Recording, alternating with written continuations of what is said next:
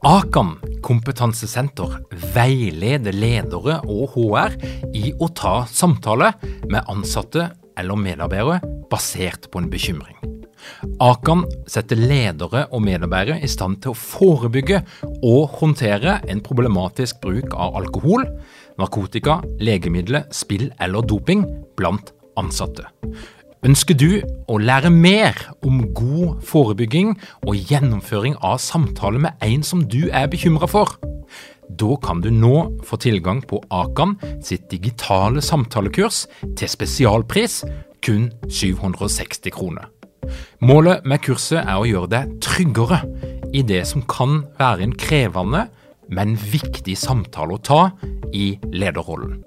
Du får tilgang til kurset med å gå til samtalekurs.no, samtalekurs.no, og bruke kampanjekoden LEDERPODDEN. Tilbudet gjelder ut april. Dette er en podkast fra Execu. Vi hjelper organisasjoner å utvikle enda bedre ledere og ledergrupper. Lær mer på execu.no.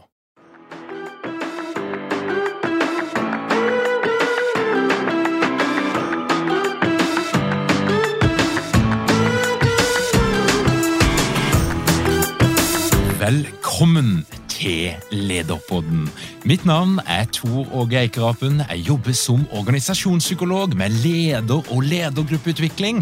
Og dette her er en podkast om ledelse. Det er lett å bli overvelda av nyheter om de globale utfordringene vi stender overfor.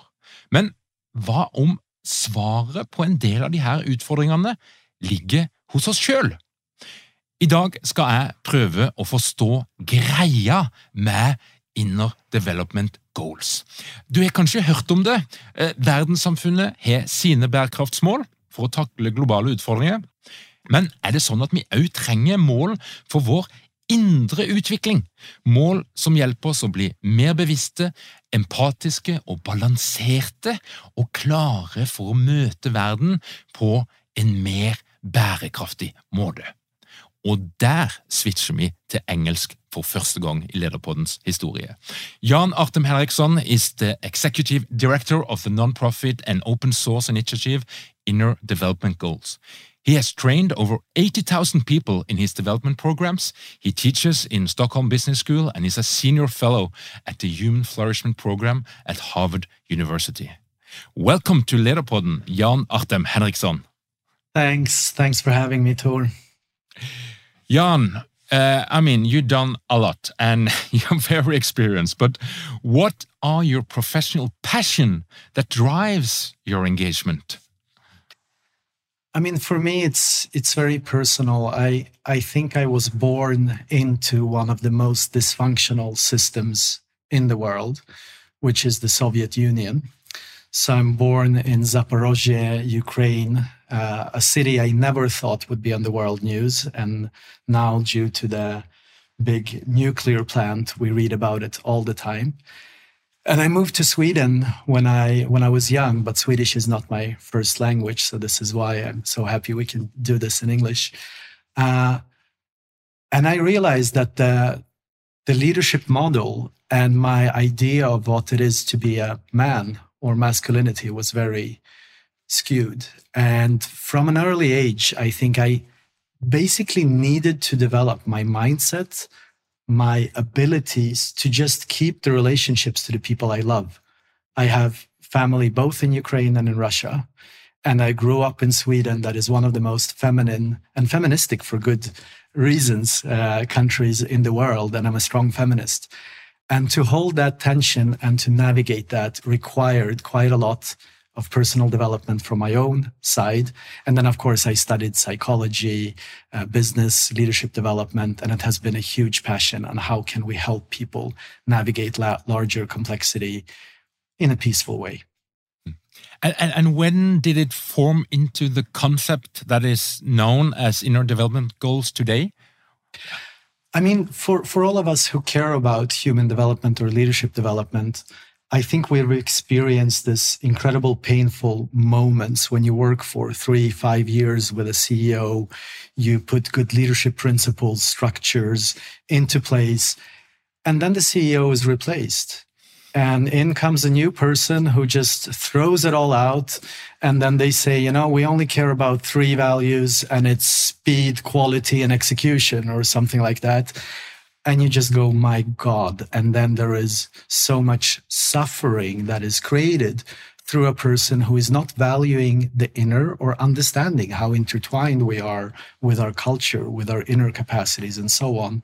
And we can be thrown back 20, 30 years in paradigm of thinking. So after a few really painful experiences with big global organizations that I was working with, with the top management, I started thinking, how can we push the whole system so that more people understand that inner development, leadership development is not a nice thing to have that you put on top. That is the fundamental building block of democracy. We can't leave people behind because what happens is polarization, conflict, and that we're not collaborating to reach the sustainability goals that we have globally. So then, um, through my engagement with the Oak Island Foundation, when I've been doing thought leaders gathering, where we get the best and brightest thinkers to an island, and we always try to get them there with a Swedish sauna. We tell them, you know, you're never going to experience this much brains in a very small and hot room. Uh, so we've done that for seven years, and on that island. Uh, an idea started to emerge uh, of creating a framework where all the brightest, best psychologists, leaders in sustainability and HR researchers could create a framework that is open source and helps people navigate and develop uh, inner capacities needed.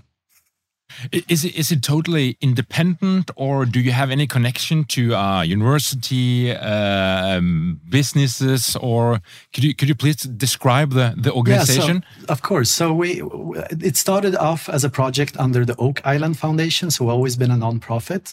We had with us the new division who designed the Sustainable Development Goals, those seventeen, you know, very beautiful icons that we all no, but we're not accelerating towards them. And the question was, why haven't we done something similar for the inner part? Of course, it's complex, just like the outer world, but it is possible to simplify to get more engagement. So we launched the IDGs actually at a conference at Stockholm School of Economics uh, called Mindshift, together with Karolinska Institute and their Center for Social Sustainability. And then we had professors like Amy Edmondson from uh, Harvard University speaking on psychological safety, uh, Peter Senge from MIT speaking on system thinking, and others who we had and been working with over the seven years on the island of Ekskäret and the foundation. And we actually managed to have even the president of Stockholm School of Economics said, How do you manage to get the top management team of IKEA, of H&M, of Google to participate. And this was, of course, during COVID, so people were bored. So we had a really good start. Uh, and then it took off. So we're working with big organizations and with governments. And we quite fast managed to get Spotify, Ericsson, some of the big Swedish companies on board, but soon also Google, Novartis, and others who said, look, we're going to adopt this framework that you have. It's brilliant. It helps us in so many ways. And it spread like a wildfire uh, over the world the last year. Fantastic.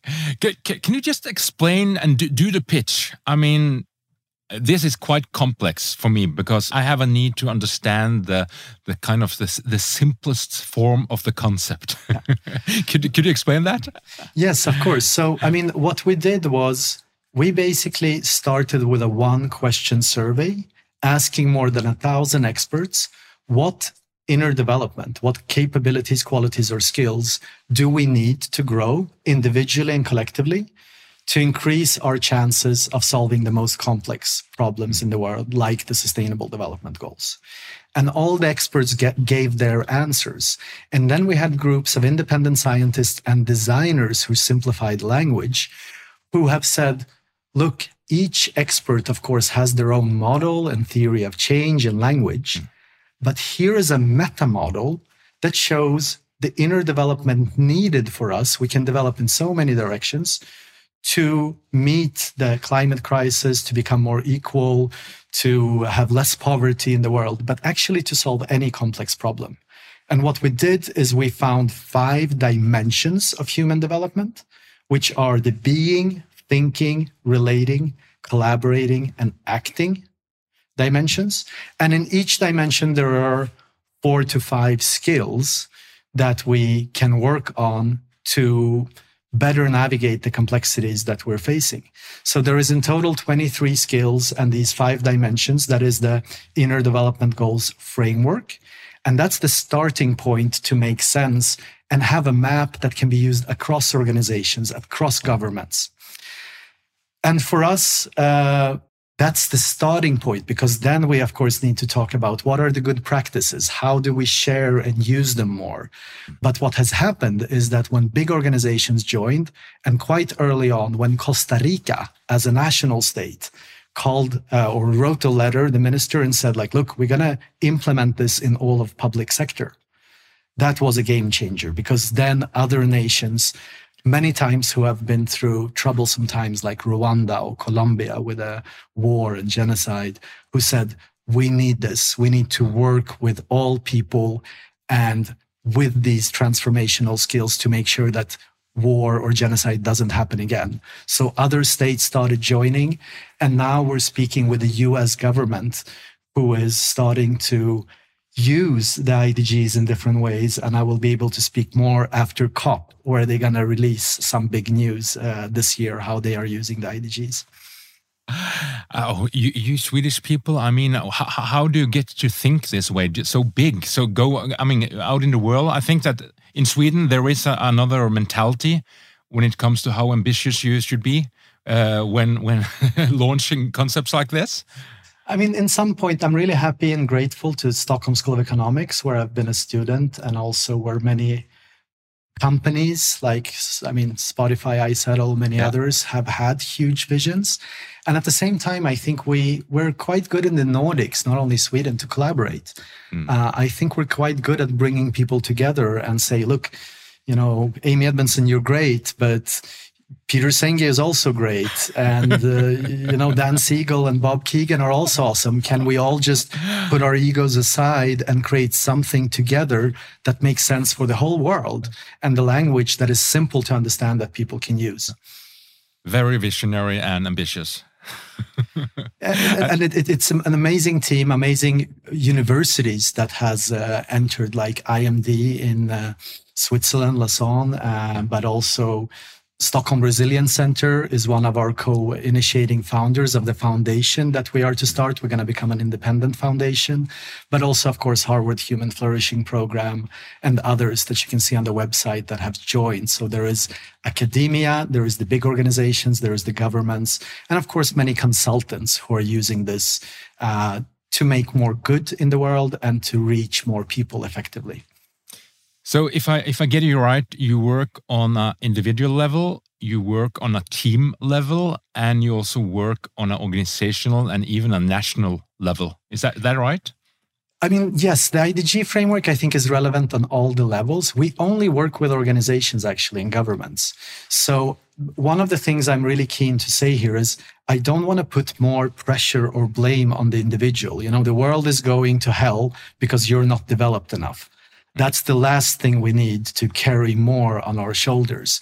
Where I do think development needs to happen, and if you look at Bob Kegan, who is one of the top professors in adult development at Harvard, at the advisory board of McKinsey, one of our dear advisors, he says that it's at work where we spend most time. And this is where we have done big mistakes with, with developing people also that we take them out of that context uh, where we can be much more effective if we have several people from an organization who are then bringing back uh, structures, ideas for everything from checking in on meetings to doing bubble hopping or working in the organizations. Mm. So we we are very big fans of working inside the organization and it's the organization's responsibility to actually take care of all their people and not just the top management or talent.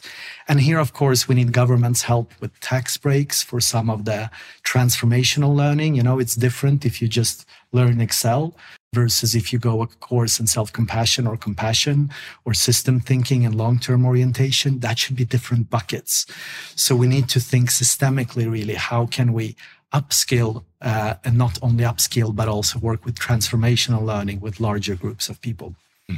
and how does it look? I mean, a program. Who who takes the initiative? Uh, who are the trainers, and how are they trained? And how do you know that they uh, are skilled enough? And, and how do you create obligation to actually fulfill and do it the right way? I mean, here is the beauty of being an open source initiative. Uh, the, the, the simple answer is that we make resources available. And let's, I mean, we could talk through the five dimensions to make it more specific. So let's say in the being dimension, there are several skills like presence, uh, inner compass, open mindset.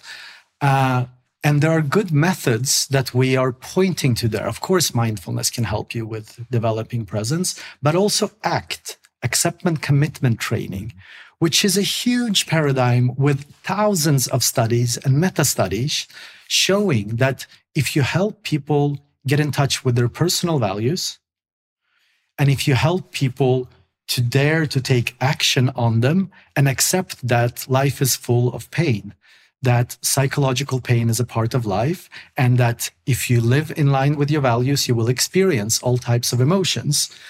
Uh, and if you embrace that paradigm in your onboarding, like Spotify and many other fast growing companies are doing, saying, Hey, welcome. You will be challenged. It won't be easy, but it will be meaningful.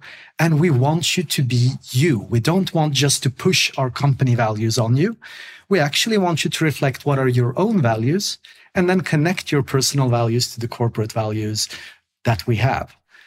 That's a great idea and a great method from ACT that has scientific proof and that helps people with a construct called psychological flexibility. Basically, you, when you're more in touch with your values, you are a better leader. You see more possibilities. You see more different ways in which you can act instead of becoming rigid and stuck in some thought patterns or anything. And from the being section, you know, sometimes when we speak about inner development, people always think about meditation.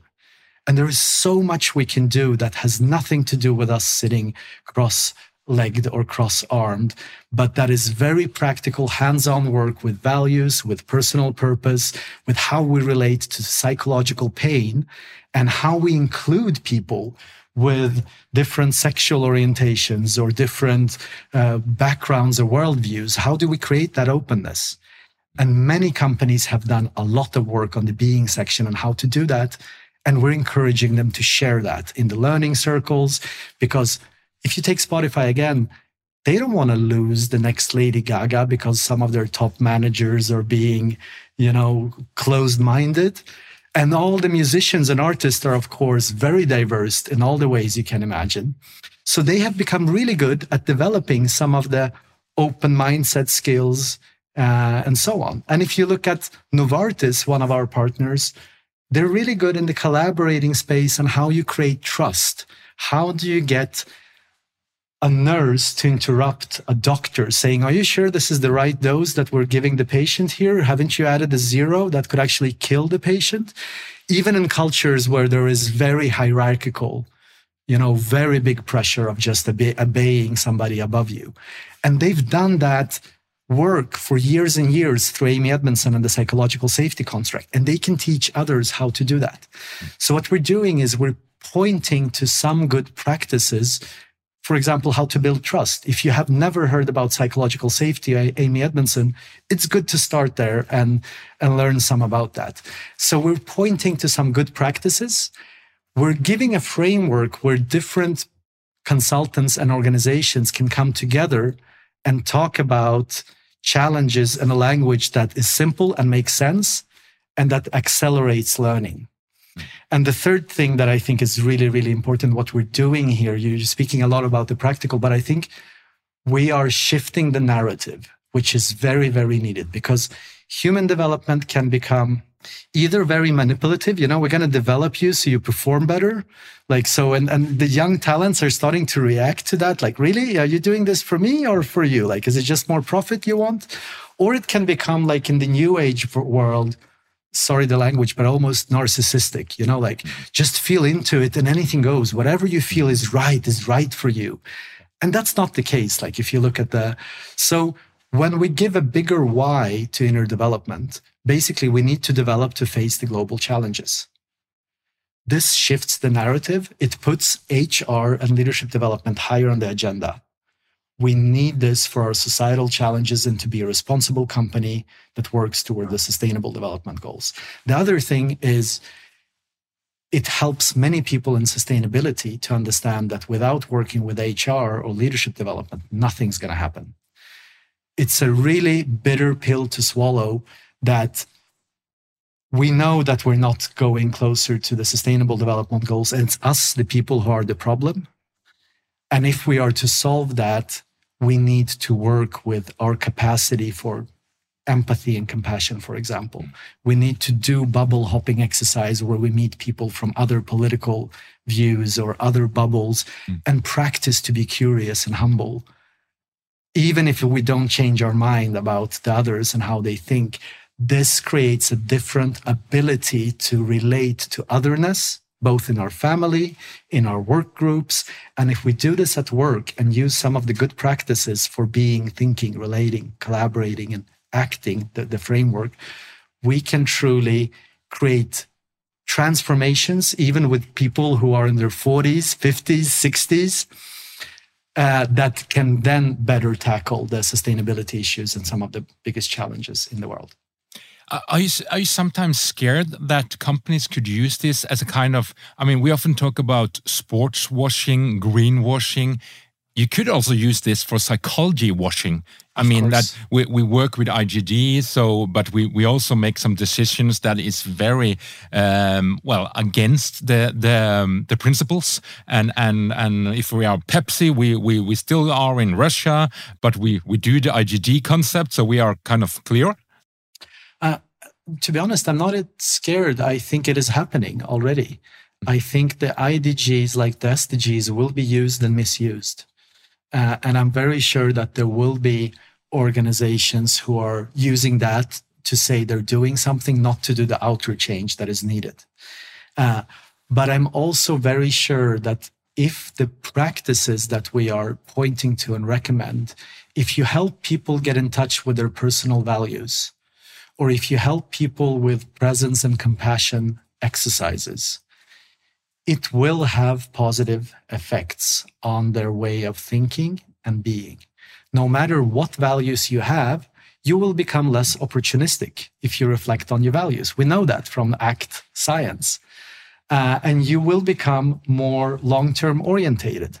And we really need that in the world. So I don't think that the IDGs are enough. It's not sufficient to make progress on the changes we want, but I'm very sure that it's necessary, that without working with the inner individual and collective at large scale, we have no chance. This is what some of the brightest minds in the world are keep telling us over and over again how do you define uh, open source when it comes to this concept? Because I, I, I guess that there must be some money involved here. Uh, I, when I heard about the concept, I was thinking my association was hmm, is there any certification here? Is it like a franchise concept? Is it is it any licensing? And and who someone must make some money here.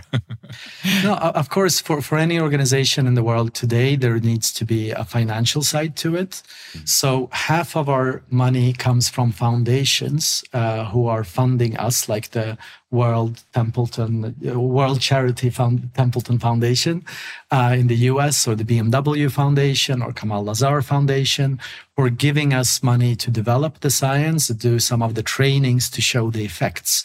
And we have a few beautiful reports with an independent professor, Christine Wamsler from Lund University, who has been following a program in six countries uh, Zambia, Colombia, Rwanda, India, Costa Rica, Albania. I might have missed some. Uh, and shown that when people work with the inner, they not only get more integrated as leaders in handling complexity, but they also care about more SDGs. People find new SDGs, new global targets that they want to contribute about. Some discovered equality stronger. Some discovered uh, working with global uh, collaboration and so on. Uh, the other part from us comes from companies. We do learning circles where companies exchange these practices and we try to help them it's really hard to be an HR manager to know, you know, what what are the good practices. It's you're supposed to be really good at law, really good at s- systems and IT, and re- uh, the best psychologist as well. It's impossible, even for us who have studied psychology. It's really hard to navigate, and we're trying to help them to make better choices when they order and work with leadership development. And for that, you can become a member and be part of the IDG's community. But huge organizations also like some of the biggest banks in Sweden, some other global organizations have dykken mange ledere uten trening eller utdannelse innen ledelse? Mangler dykken en felles kultur og praksisforledelse? Ønsker du dykken å være bedre rusta for fremtidig vekst og endring? Da kan et internt lederutviklingsprogram være en god investering. I Execu så er vi eksperter på å designe og gjennomføre bedriftsinterne lederutviklingsprogram. Hvis du ønsker å lære mer om hvordan vi kan hjelpe dykken til å få enda bedre ledere, ta og klikk deg inn på execu.no.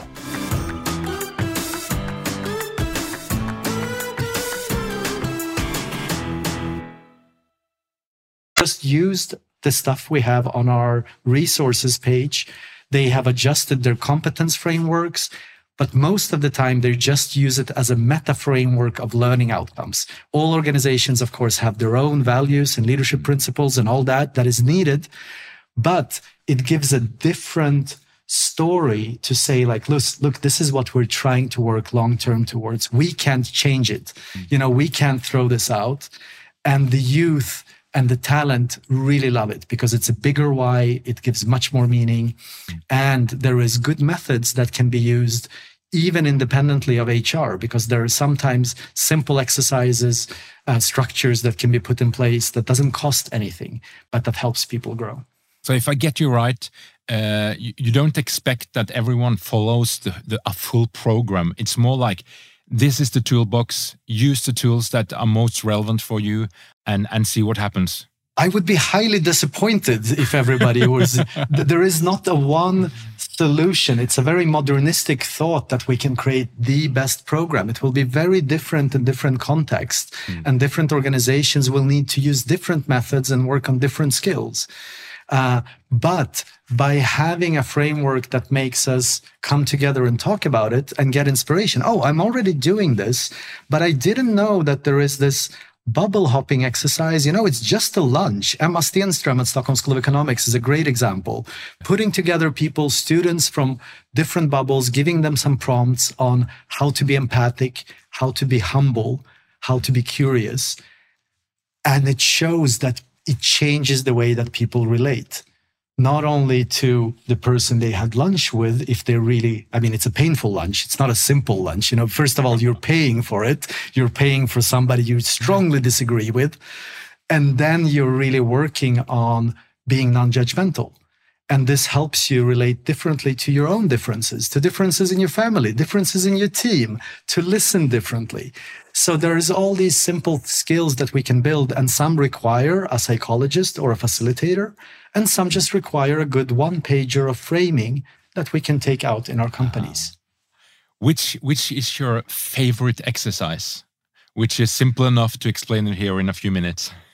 there is a simple exercise on in the acting dimension that's called WOOP uh, and it's how to get more perseverance because i think we work with both older and younger generations and the younger generations sometimes lose that perseverance and it's basically it stands for uh, wish outcomes, obstacles, and plans. And what you do is you, of course, start with this, what do I really want? And if this happens, what would I get? You know, that really grounding yourself in that positive vision. But then it goes into, so what are the risks and obstacles? Because we tend to focus much on them, but we go in loops in our minds. And you list all the risks and obstacles that could go wrong with whatever you're trying to do. Uh, you name them and then in the plans, here is the brilliant thing. You do two things. For each of the obstacles, you write, what can I do to avoid it? What can we do to minimize this risk from happening? And the second part you do is you write, and if it happens anyway, how would we relate or handle it then? And it's such a simple exercise, but it's so powerful when you are working on long term projects that are highly uncertain, like when we're working with some of the environmental engagements or some of the other complex issues. And it helps people calm their anxiety and be more persistent, more courageous in what they're doing. And any manager can guide that. You know, it's, it's just so simple and so brilliant. And there are tons of these exercises that we could be doing. And some, of course, require more competence and others are more safe to try. Hmm. Do, do you have a favorite user case uh, organization that did it just the right way, or they they had a result that was just what you have kind of dream been dreaming about? I mean, there are so many, but I just want to take one that I admire really. Uh, Jenny Lindén in Lindén Group, and she's one of the more powerful female leaders in Sweden. She she got notice about these IDGs. She thought this is interesting. She inherited a group uh, of companies from her family, and she's the chair of the board. And there are many CEOs, and it's it's a big organization with billions in in turnover. Mm. Uh, and she of course realized that in production there is a lot of people who are conservative who are traditional engineers and so on and she said, look, we need to get more of these skills of compassion, of collaboration, of trust. Uh, we need to transform the way we work so we become more sustainable and more modern. And she, what she did is she first introduced this, I think, uh, in some management teams, they tried it out. But what she basically has done since is she brought her 40 top managers and all the CEOs to the yearly conference that we are doing, where they get to meet the scientists, both in sustainability and in inner development. They tried out many of the exercises. I know just last week we had we had a huge conference with more than 10,000 people online and 1,500 in, in person. Uh, so they did the three-hour immunity to change process with Bob Kegan, where all leaders basically took a challenge, that they have been trying to work on but failed several times. And they said, you know, you're smart individuals. If you have been failing, there is some inner resistance, some subconscious resistance. And then Bob Kegan took them on this two and a half hour journey of inner reflection together with hundreds of other people, of course. And the insight that it does to people, I mean, in working with scientifically based methods on cognitive behavioral science, where you truly see how you're self sabotaging some of the things that you say you want to do and how that has negative consequences for your family, for your team. And then where you design small experiments, how you can, in a safe way, try to get out of the patterns that you had maybe for 20 years already. And how that there is proof and science that people actually break some of those old patterns and become better leaders that gives me a lot of hope. And when that can happen at the highest level of the companies who are trying out some of the best interventions in inner development, and then coming back to their management teams, hopefully is a little bit expanded leaders who see new perspectives. Mm. That gives me hope when you can do that. And I think here again, the big organizations are causing some of the worst troubles in the world collectively, unintentionally. And if we work with governments, organizations, family uh, offices who invest and use a framework like that that is free of charge, we can slowly but surely, within the next at least 10, 20 years, mm. change into a direction that is meaningful. This gives me hope. I'm so glad to hear. Uh, you you have not reached your final destination. I mean, you're you're progressing. You're you're. I mean, the world is open for this concept, but you have succeeded so far, and I'm I'm curious of what have you learned about yourself, about building an organization, about uh, spreading the word. Yeah, I mean, it's it's a difficult journey. I'm not sure if we have succeeded. It's we we are going global. We have around 400 hubs around the world, and there are people in these hubs. I visited some of them. I was in Israel just uh, before some of this terrible conflicts and that we that we see arising now, and there are people who have worked 20 30 years with these concepts that are now coming together under an umbrella uh, just like the sustainability wasn't a thing before. And then we got the word sustainability and we started to organizing, measuring, becoming much more professional and getting our game together. This is what I see is happening now. People who have been working with leadership development, with coaching, with different practices are saying, hey, inner development can be described with these five dimensions. It's not in any way done already. It's also I mean, we will never have the final framework, right? Just like at any values foundation or leadership principles, each three years we hope to update it. So as we've grown tremendously, what I'm struggling with now is to re earn the trust from hubs, especially in the global south, that we didn't have the voices included in, in the beginning when we launched this. We had a very heavy European and US bias. Uh, and when some people in Rwanda look at this framework, they say, great, 23 skills. Where is forgiveness? You know, we had a genocide, one of the worst in the world. If we don't work on forgiveness, nothing else matters. And then we realize that we have all these Western blind spots that we're carrying with us. So one of the things we've been able to initiate thanks to some donations from big foundations and our corporate partners as well is that we're doing a one question survey that aims to reach not a thousand, not 100,000, but 2 million people. We've done the survey together with the same communication agency that's been working on the SDGs, the new division, and it's now translated to more than 40 languages. We're aiming to translate it to 70 languages. The same one question, you know, what skills, capabilities, qualities do we need to develop to create a sustainable future for people and planet? This simple question translated in all the languages, we're trying to spread it through our hubs to reach people in South America, in, in Africa, in Asia, to get all the voices we can and get the researchers locally to then analyze the data in their local languages and create their own set of, let's say, 20 to 30 skills. And then to meet all of them and, not all, but as many as we can gather uh, in the regions and groups and then update the framework. So this is what we're doing now. And it's a huge endeavor.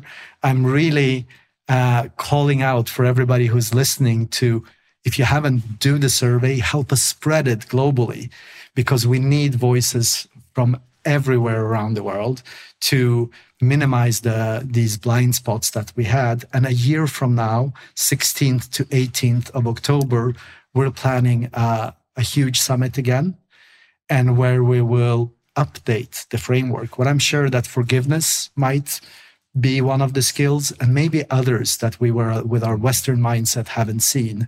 And this is a process of co-creation and collaboration that's going on globally and hopefully a global dialogue on how we collectively want and need to develop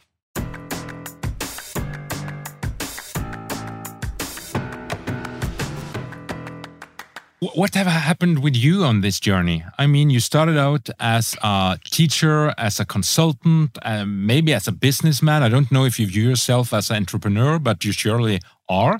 What have you learned about yourself? It's a journey of seeing how much I don't see for each day.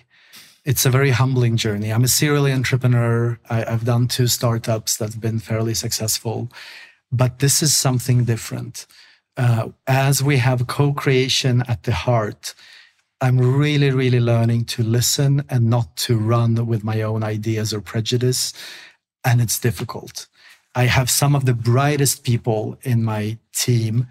Many of them have gone from UN or from top organizations when they went to about half or one third of their salary to work for this little NGO and to try to coordinate all this beautiful wisdom, engagement, and competence that is out there in the world. And I'm not talking just about, you know, the there is a lot of science that we need to use, but there are also people from indigenous communities, from other communities, religious communities who have been practicing inner development and living in a sustainable way for years, where we can learn so much uh, from them and their insights. And this is happening globally, and we're trying to be, be an arena for these different voices. And it's really, really difficult to balance that.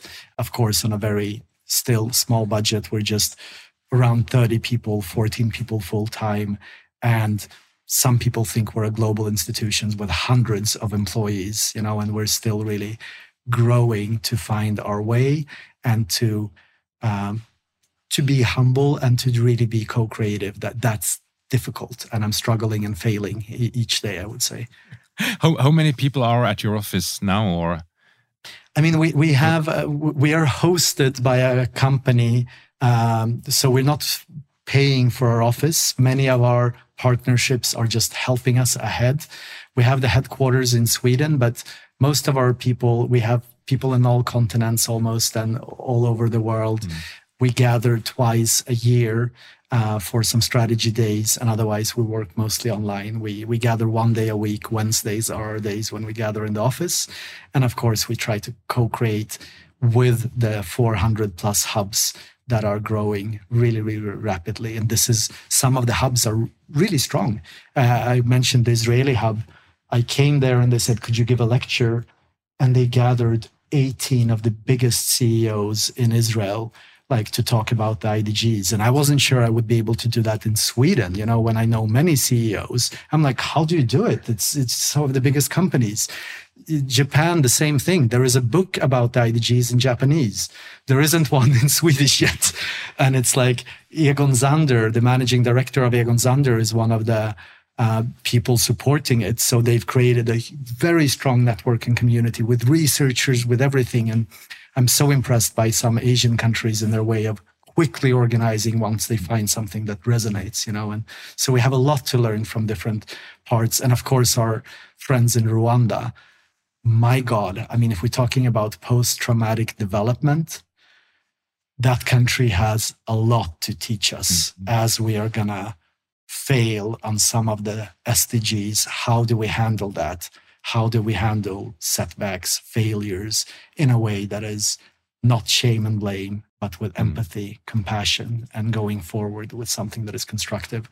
I've cried my eyes out being in Rwanda feeling for what's happening in the world and what they have gone through mm. and how much they have to teach us. From my experience, being a founder, uh, a thought leader, and the the leader of the organization uh, is sometimes hard to balance because you it's it's your baby uh, and I guess that you have a very emotional tie to the, the, to the whole concept and your vision and everything. How, how, how, do you balance this? I'm a little bit curious. If I ask some of your employees, how do would they describe you as as a leader in no, the daily to, life? Tor, I'm, I'm you're putting using big words here. I'm none of them. Uh, I'm I'm not the founder. Uh, I'm one of the co-initiators. I'm definitely not the thought leader. Like my God, you know, Dan Siegel Amy Edmondson, uh, they are the thought leaders. They have so much knowledge. Uh, Erik Fernholm, from uh, the founder of 29K, has been instrumental in putting this together, the idea of the inner development goals. I had the honor to help co create this and balance the many different interests and being the executive director. But none of the titles you're giving me uh, belongs to me. And my biggest insight and what where I'm again and again failing, as I'm saying every day, is in the understanding, you know, the next Buddha is a Sangha. It's uh, we need to move away from the heroic leadership paradigm. This is the Soviet Union paradigm that created so much suffering and in Western paradigm as well, and move into the post-heroic, where it's all about the communities of practice. It's all about the people. It's all about the culture. Uh, and I think many times I'm just in the way of of this movement that is trying to happen with my ideas and my engagement and the more i can just hold and facilitate what wants to happen the better usually it goes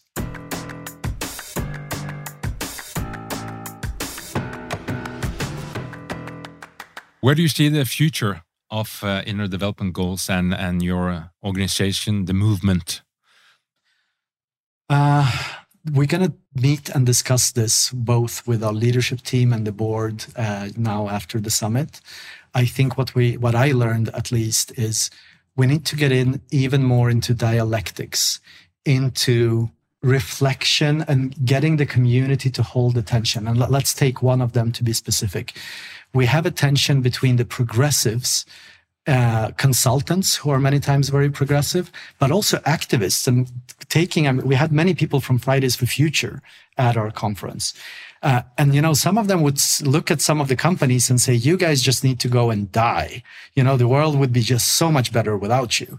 And then you have many of the more realistic, sometimes conservative, but sometimes just liberal or no matter which terms we use, people in big organizations who are slowly trying to change the system from within, who are very realistic on what is helpful and what is not, and how do we work within the capitalistic paradigm that we have. And that tension is really alive in, in the IDGs. And we're thinking, can we use bubble hopping, for example? Can we get some of the most senior corporates to go for banquet uh, at the Stockholm City Hall that we've booked, or even just a lunch with a Fridays for Future kid and truly practice being curious, non judgmental, and empathic?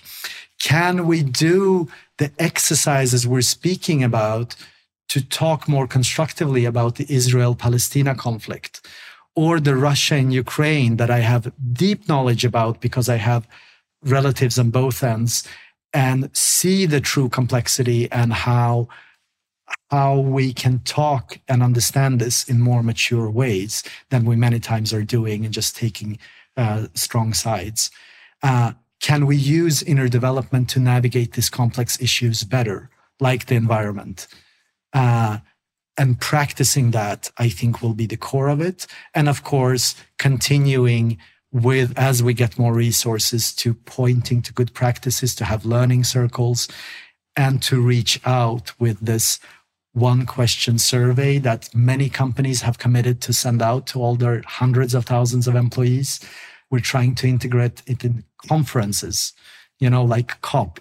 All of you who are listening to this we have four more months to reach 2 million people.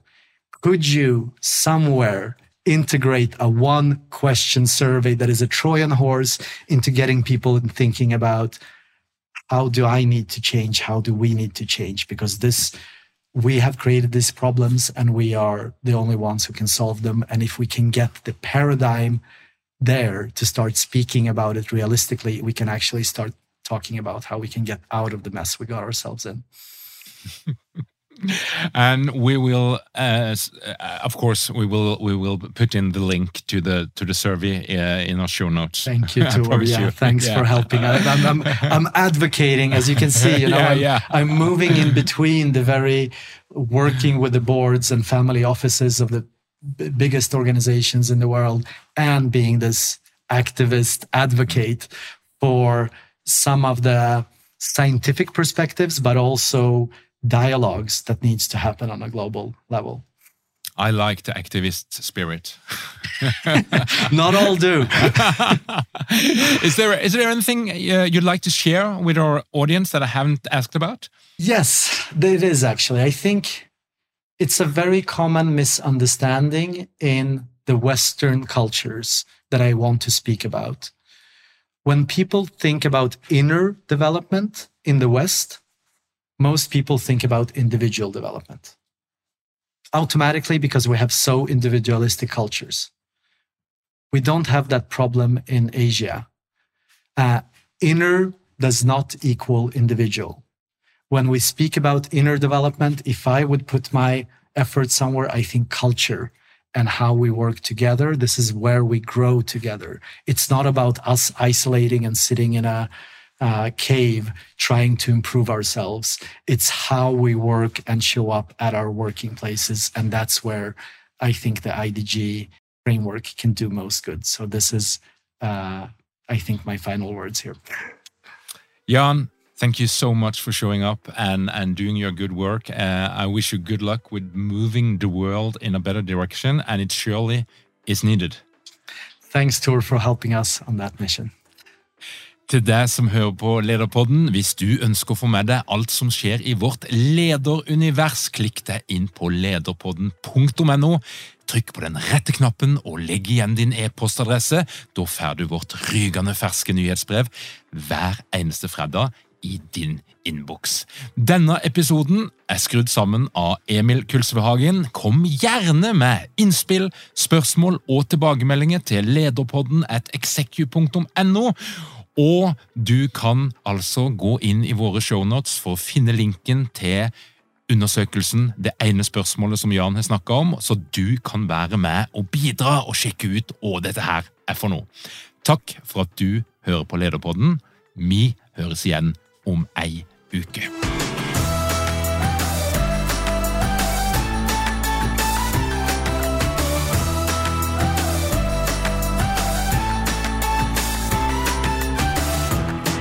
Lederpodden er gitt til deg av Execu.